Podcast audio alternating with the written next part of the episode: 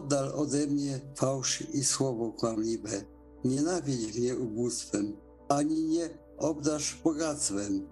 Daj mi spożyć chleb według mojej potrzeby, abym będąc syty nie zaparł się Ciebie i nie rzekł, któż jest Pan.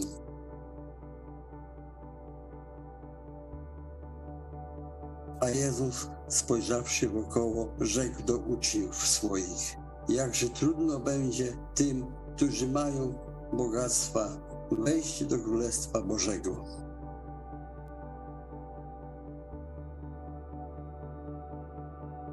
A powiadam, kto sieje skąpo, skąpo też rządź będzie, a kto sieje obficie, obficie też rządź będzie. Każdy tak, jak sobie postanowił w sercu, nie z żalem albo z przymusu, gdyż ochotnego dawcę Bóg miłuje.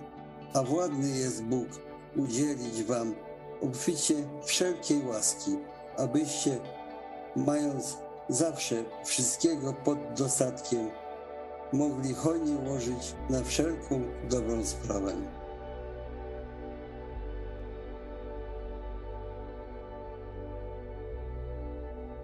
A czynić dobrze nie ustawajmy, albowiem we właściwym czasie rządź będziemy bez znużenia.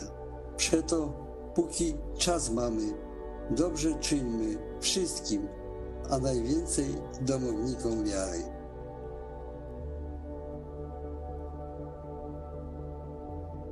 Szczodrze rozdaje, udziela ubogim.